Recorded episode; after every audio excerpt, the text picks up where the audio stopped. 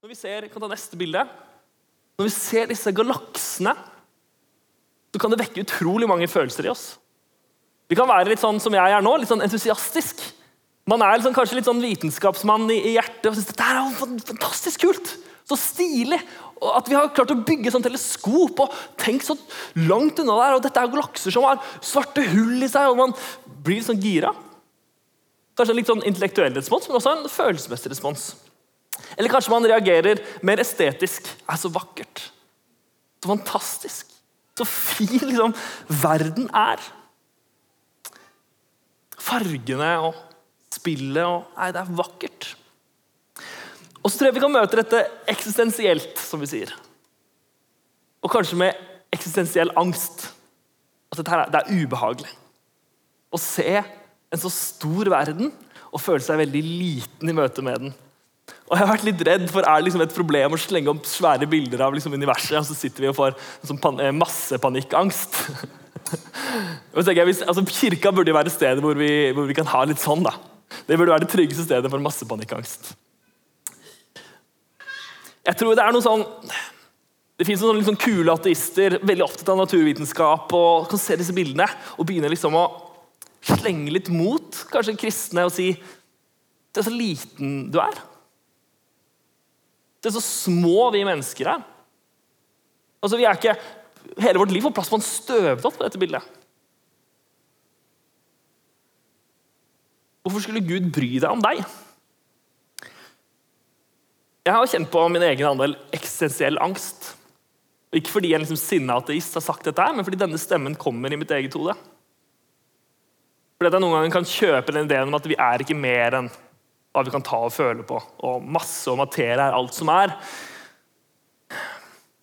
Og da blir det veldig skummelt å være liten da, i møte med noe så stort. Men hvis vi bare går liksom litt inn i det der, den påstanden om at fordi det er så svært, så, vi, så har ikke vi stor betydning, er et veldig tullete argument. Altså, Jeg er 1,95, jeg er nesten et hode høyere enn min kone. Men det er ikke sånn at jeg opplever mer mening enn henne fordi jeg er litt høyere. Det er ikke sånn at størrelse har noe å si på mening. At verdens største kvinne liksom kjenner liksom er mye mer betydningsfull og har mer mening enn verdens minste mann. Vi vet at sånn, sånn henger det ikke sammen. Det skjønner vi rent logisk, men det betyr ikke at alltid følelsene våre henger med. Når vi ser sånne her bilder, så kan vi bli litt satt ut. Og Kanskje noen av oss er veldig kristne og klarer å møte dette her med liksom tro. De ser disse bildene, og så tenker de på Salme 8. Herre, vår Herre, hvor herlig ditt navn er over hele jorden. Du som har bredt ut din prakt over himmelen. Fra småbarns og spedbarns munn har, du, munn har du reist et vern mot dem som står, mot, står deg imot, for å gjøre ende på fienden og hevneren. Når jeg ser din himmel, et verk av dine fingre, månen og stjernene som du har satt der, vær da et menneske, at du husker på det. Et menneskebarn, at du tar deg av det. Ta neste bilde også. Når jeg ser din himmel, et verk av dine fingre, hva er da et menneske? Det kan også være en respons. Det er mange måter vi møter dette her på. Bare dette med et bilde det tillegger vi noe mening. Det kan være skjønnhet, det kan være vitenskap, det kan være frykt, eller det kan være en type undring og glede. Uansett så, så er vi mennesker vi, vi er gode på å gi ting mening. Vi er meningsvesener. Vi gir ting en mening. En relasjon den er negativ eller positiv. En erfaring er betydningsfull eller betydningsløs. En oppgave den er uviktig eller viktig. Og et resultat er urettferdig eller på sin plass. Et bilde er skremmende eller vidunderlig. Vi gir ting mening.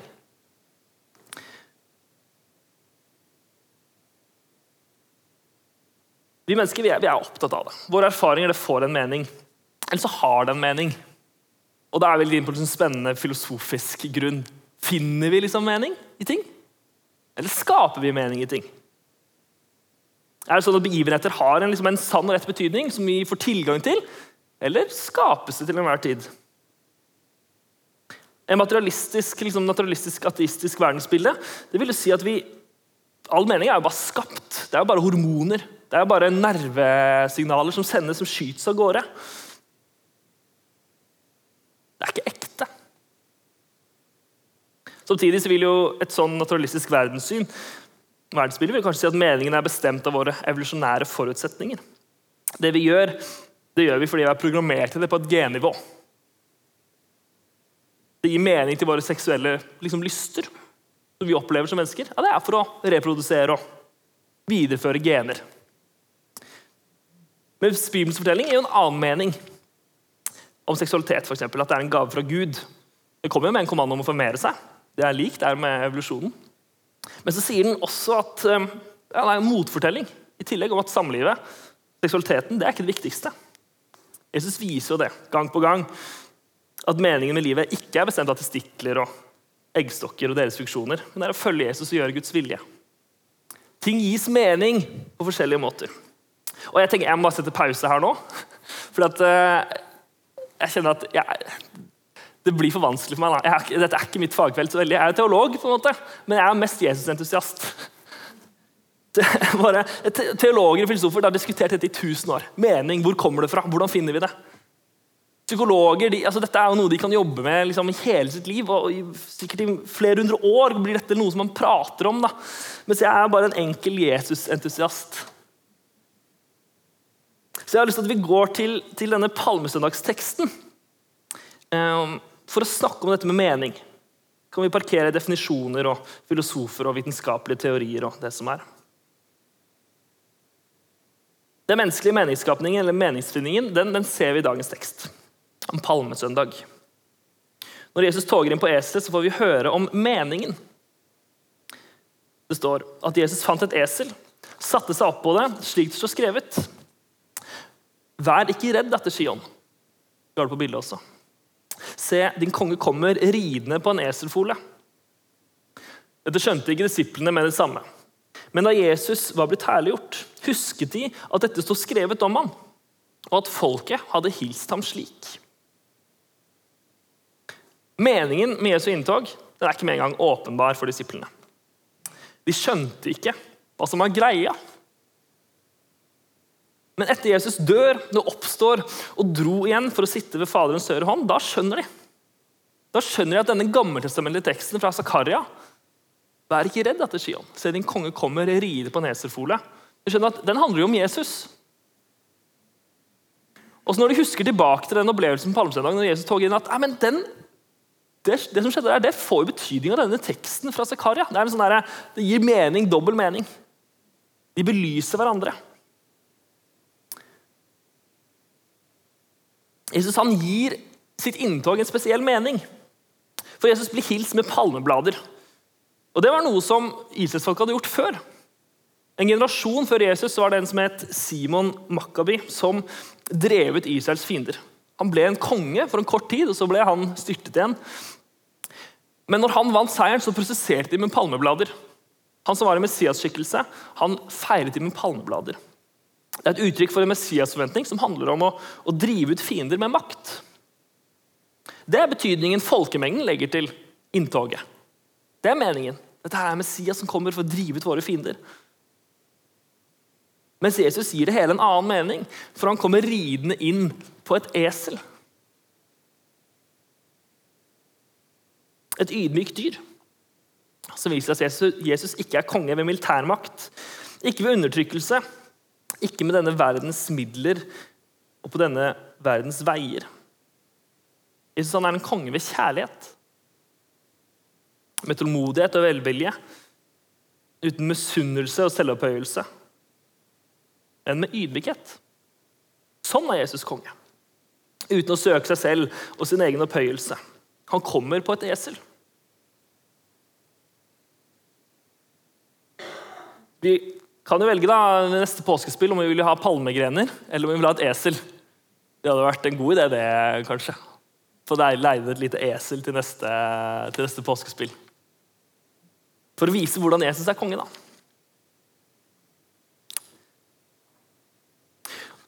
Å følge Jesus og tro på ham, det handler om at han får lov til å bestemme betydningen. At han får lov til å bestemme mening. Tenker jeg, som en enkel Jesus-entusiast. Han skal få lov til å definere noe for oss. Vanligvis så ville jeg nå vært ca. halvveis i prekenen. Eh, men jeg nærmer meg faktisk eh, slutten.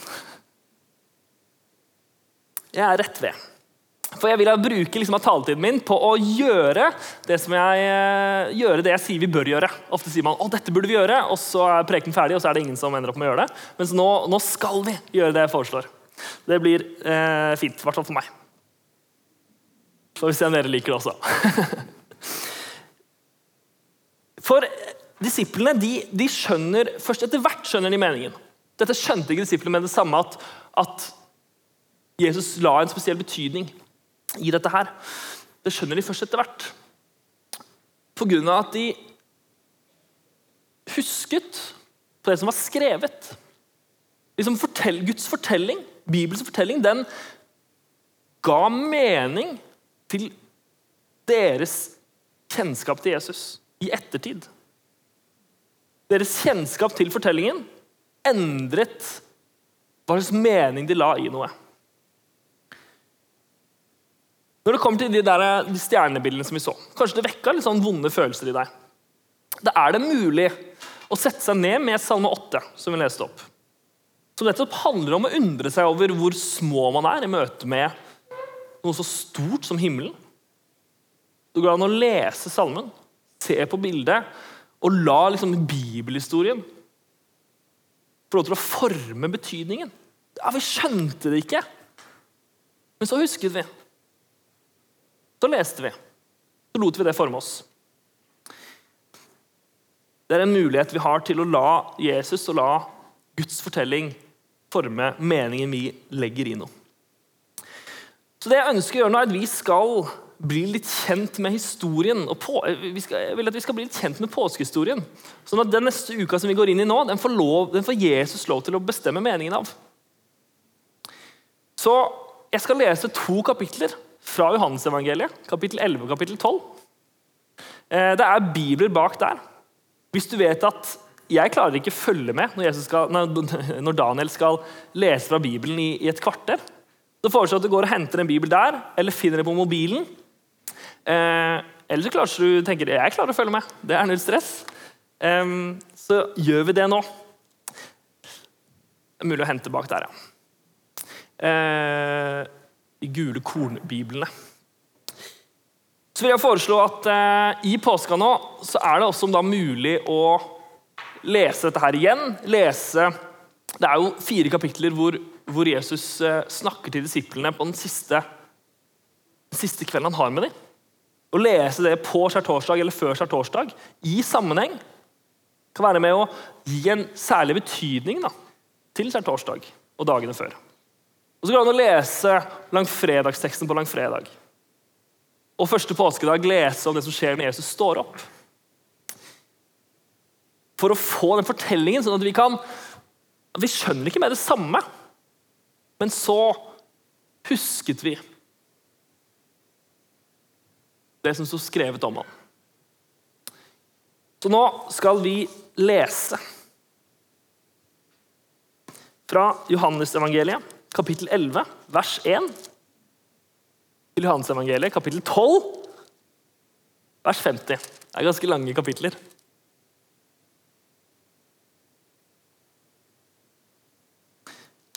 Leser. Dette er da opptrappingen til påska, som vi får lese om nå. En mann som het Lasarus, var blitt syk. Han var fra Betania, landsbyen der Maria og hennes søster Martha bodde. Det var Maria som salvet Herren med fin salve og tørket føttene hans med håret sitt. Lasarus, som lå syk, var hennes bror. Søstrene sendte bud til Jesus og sa, 'Herre, han som du er så glad i, er syk.' Da Jesus fikk høre det, sa han, 'Denne sykdommen fører ikke til døden, men er til Guds ære.' For ved den skal Guds sønn bli herliggjort. Jesus var glad i Martha og hennes søster og Lasarus. Da han hadde fått høre at Lasarus var syk, ble han enda to dager der han var. Deretter sa han til disiplene, 'La oss dra tilbake til Judea.' Rabbi, jødene prøvde nettopp å steine deg, og nå drar du dit igjen, sa disiplene. Jesus svarte, 'Har ikke dagen tolv timer?' Den som vandrer om dagen, snubler ikke, for han ser denne verdens lys. Men den som vandrer om natten, snubler, for han har ikke lyset i seg. Da han hadde sagt dette, sa han til dem, Vår venn Lasarus er sovnet, men jeg går og vekker ham.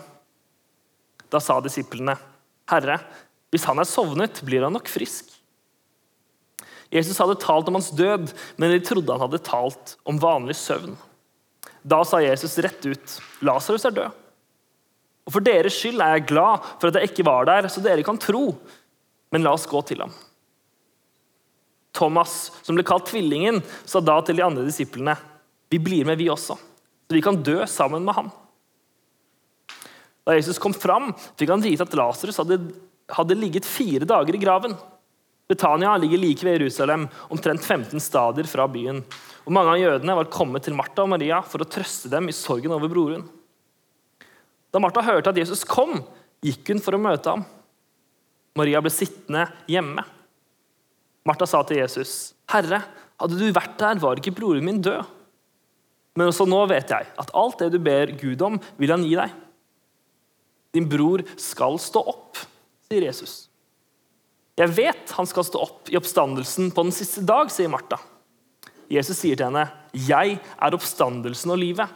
Den som tror på meg, skal leve om han enn dør. Og hver den som lever og tror på meg, skal aldri i evighet dø. Tror du dette? Ja, Herre, sier hun. Jeg tror at du er Messias, Guds sønn, han som skal komme til verden. Da han hadde sagt dette, gikk hun og kalte i all stillhet på sin søster Maria og sa til henne, 'Mesteren er her og spør etter deg.' Da Maria hørte det, sto hun straks opp og gikk ut til ham. Jesus var ennå ikke kommet inn i landsbyen, men var fremdeles der Martha hadde møtt ham. Jødene som var hjemme hos Maria for å trøste henne, så at hun brått reiste seg og gikk ut. De fulgte etter fordi de trodde hun ville gå til graven for å gråte der. Da Maria kom dit Jesus var, og fikk se ham, kastet hun seg ned for føttene hans og sa, 'Herre, hadde du vært der, ville ikke broren min vært død.' Da Jesus så at både hun og alle jødene som fulgte henne, gråt, ble han opprørt og rystet i sitt innerste. Og han sa, 'Hvor har dere lagt han?' 'Herre, kom og se', sa de. Jesus gråt.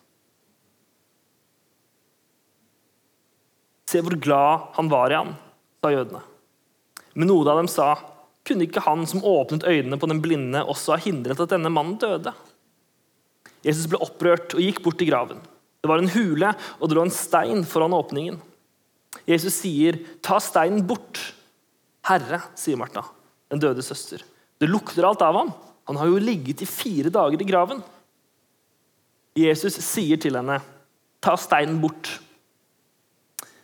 Unnskyld, jeg roter. Jesus sier til henne, 'Sa jeg ikke, ikke at hvis du tror, skal du se Guds herlighet?' Så tok de bort steinen. Jesus løftet blikket mot himmelen og sa, 'Far, jeg takker deg fordi du har hørt meg.' 'Jeg vet at du alltid hører meg.' Men jeg sier dette på grunn av alt folket som står omkring, så de skal tro at du har sendt meg. Da han hadde sagt dette, ropte han høyt, 'Lasarus, kom ut!' Da kom den døde ut, med liksvøp rundt hender og føtter og med tørkle bundet over ansiktet. Jesus sa til dem, 'Løs ham og la ham gå.' Mange av jødene som var kommet til Maria og hadde sett det Jesus gjorde, kom til tro på ham. Men noen gikk til fariseerne og fortalte hva han hadde gjort. Da kalte overprestene fariseerne sammen rådet, og de sa, 'Hva skal de gjøre? Dette mennesket gjør mange tegn.' Lar vi han holde på slik, vil snart alle tro på ham. Så kommer romerne og tar både det hellige stedet og folket vårt. En av dem, Kaifas, som var øversteprest det året, sa, 'Dere skjønner ingenting.' Dere tenker ikke på at det er bedre for dere at ett menneske dør for folket, enn at hele folket går til grunne. Dette sa han ikke av seg selv, men fordi han var øversteprest det året, talte han profetisk om at Jesus skulle dø for folket. Ja, Han skulle ikke bare dø for folket, han skulle også samle til ett de Guds barn som er spredt omkring. Fra denne dagen la de planer om å drepe ham. Derfor gikk ikke Jesus åpenlyst omkring blant jødene, men dro vekk derfra til en by som heter Efraim, i området nær ødemarken. Der ble han en tid sammen med disiplene. Det var like før jødenes påskefest, og mange dro fra landet opp til Jerusalem og før høytiden for å rense seg. De lette etter Jesus og sa til hverandre mens de sto der på tempelplassen, Hva tror dere? Kommer han til festen? Oversteprestene fariseerne hadde gitt påbud om at den som fikk vite hvor han var, skulle melde fra, så de kunne gripe ham. Det var ett kapittel. Jeg synes Det er så morsom avslutning eh, på kapittelet der. Hva tror dere? Kommer han til festen? Det går litt, litt nære. Du får et innblikk i hva som skjer, den spenningen som bygger seg opp. Vi fortsetter å lese. Seks dager før påske kom Jesus til Betania, der Lasarus bodde, han som Jesus hadde vekt opp fra de døde. Der ble det holdt et festmåltid for han. Martha var til dopp, og Lasarus var blant dem som lå til bord sammen med han. Da kom Maria med et pund ekte, kostbar nardussalve, og med den salvet hun Jesu føtter og tørket dem med håret sitt. Hele huset ble fylt av duften. Da sa Judas Iskariot, en av disiplene, han som siden forrådte han, hvorfor ble ikke salven solgt for 300 denarer og pengene gitt til de fattige? Dette sa han ikke fordi han hadde omsorg for de fattige, men fordi han var en tyv. Det var han som, pleide, eh, var han som hadde pengekassen, og han pleide å ta det som ble lagt i den. Men Jesus sa, 'La henne være.' Hun har spart salven til den dagen jeg skal begraves. De fattige har dere alltid hos dere, men meg har dere ikke alltid. Det ble kjent i den store mengden av jøder at Jesus var i Betania. Nå kom de dit, ikke bare for hans skyld, men også for å se Lasarus, som han hadde vekt opp fra de døde. Da la overprestene planer om å drepe Lasarus også, for mange av jødene dro dit på grunn av ham og kom til tro på Jesus. Dagen etter fikk folkemengden som var kommet til festen, høre at Jesus var på vei inn i Jerusalem. Da tok de palmegrener og gikk ut for å møte ham, og de ropte Hosianna. Velsignet er han som kommer i Herrens navn, Israels konge. Jesus fant et esel og satte seg opp på det, slik det står skrevet. Vær ikke redd, datter Sion. Se, din konge kommer ridende på en eselfole. Dette skjønte ikke disiplene med det samme. Men da Jesus var blitt herliggjort, husket de at dette sto skrevet om han, og at folket hadde hilst ham slik. Alle de som hadde vært til stede da han kalte Lasarus ut av graven og vekket han opp fra de døde, vitnet om det. Det var også derfor folk dro ut for å møte ham, fordi de fikk høre at han hadde gjort dette tegnet. Fariseerne sa da til hverandre.: Der ser dere, ingenting nytter. All verden løper etter ham. Det var noen grekere blant dem som var kommet for å tilbe under høytiden. Da gikk Philip, som var fra Betzaida i Galilea, og sa, 'Herre, vi vil gjerne se Jesus.' Philip gikk og fortalte det til Andreas, og sammen gikk de til Jesus. Jesus svarte, 'Timen er kommet, da menneskesønnen skal bli herliggjort.' Sannelig, sannelig, jeg sier dere, hvis ikke hvetekornet faller i jorden og dør, blir det bare det ene kornet. Men hvis det dør, bærer det rik frukt. Den som elsker sitt liv, skal miste det, men den som hater sitt liv i denne verden, skal berge det og få evig liv. Den som vil tjene meg, må følge meg, og der jeg er, skal også min tjener være. Den som tjener meg, skal min far gi ære. Nå er min sjel fylt av angst. Men skal jeg så si, Far, frels meg fra denne timen? Nei, til denne timen skulle jeg komme. Far, la ditt navn bli herliggjort. Da lød det en røst fra himmelen. Jeg har herliggjort det, og det skal herliggjøre det igjen. Mengden som sto omkring, hørte dette og sa at det hadde tordnet. Andre sa det var en engel som talte. Som talte til ham. Da sa Jesus, denne røsten lød ikke for, min skyld, men for deres. Nå felles dommen over denne verden skal, nå skal denne verdens fyrste kastes ut. Og når jeg blir løftet opp fra jorden, skal jeg dra alle til meg. Dette sa han for å gi til kjenne hva slags død han skulle lide. Noen i mengden sa da, vi har hørt i loven at Messias skal leve for alltid. Hvordan kan du da si at menneskesønnen må bli løftet opp? Hvem er denne menneskesønnen? Jesus svarte, ennå en liten stund er lyset hos dere. Dere må vandre mens dere har lyset, så ikke mørket faller over dere. Den som vandrer i mørket, vet ikke hvor han går hen. Tro på lyset mens dere ennå har lyset, så dere kan bli lysets barn. Da Jesus hadde sagt dette, gikk han fra dem og skjulte seg for dem. Enda han hadde gjort så mange tegn fra øynene på dem, trodde de ikke på ham. For dette ordet av profeten Jesaja skulle bli oppfylt. Herre, hvem trodde vårt budskap? Hvem ble Herrens arm åpenbart for? Derfor kunne de ikke tro. For Jesaja har også sagt han har blindet deres øyne og forherdet deres hjerte, for at ikke de skal se med øynene, forstå med hjertet og vende om, så jeg får helbrede dem. Dette sa Jesaja fordi han så Jesu herlighet og talte om ham. Likevel var det mange som trodde på ham, også av rådsherrene. Men pga. fariseerne bekjente de det ikke, så de ikke skulle bli utstøtt av synagogen. De ville heller ha ære fra mennesker enn ære fra Gud. Men Jesus ropte ut. Den som tror på meg, tror ikke på meg, men på Han som sendte meg. Og den som ser meg, ser Han som har sendt meg. Som lys er jeg kommet til denne verden, for at ingen som tror på meg, skal bli i mørket. Den som hører mine ord og ikke holder fast på dem, dømmer jeg ikke. For jeg er ikke kommet for å dømme verden, men for å frelse verden. Den som avviser meg og ikke tar imot mine ord, har likevel en dommer. Det ordet jeg har talt, skal dømme ham på den siste dag. For jeg har ikke talt ut fra meg selv, men far som har sendt meg, har gitt meg befaling om hva jeg skal si og tale. Og jeg vet at hans befaling er evig liv. Det jeg sier, det sier det jeg sier, det sier slik far har sagt meg det.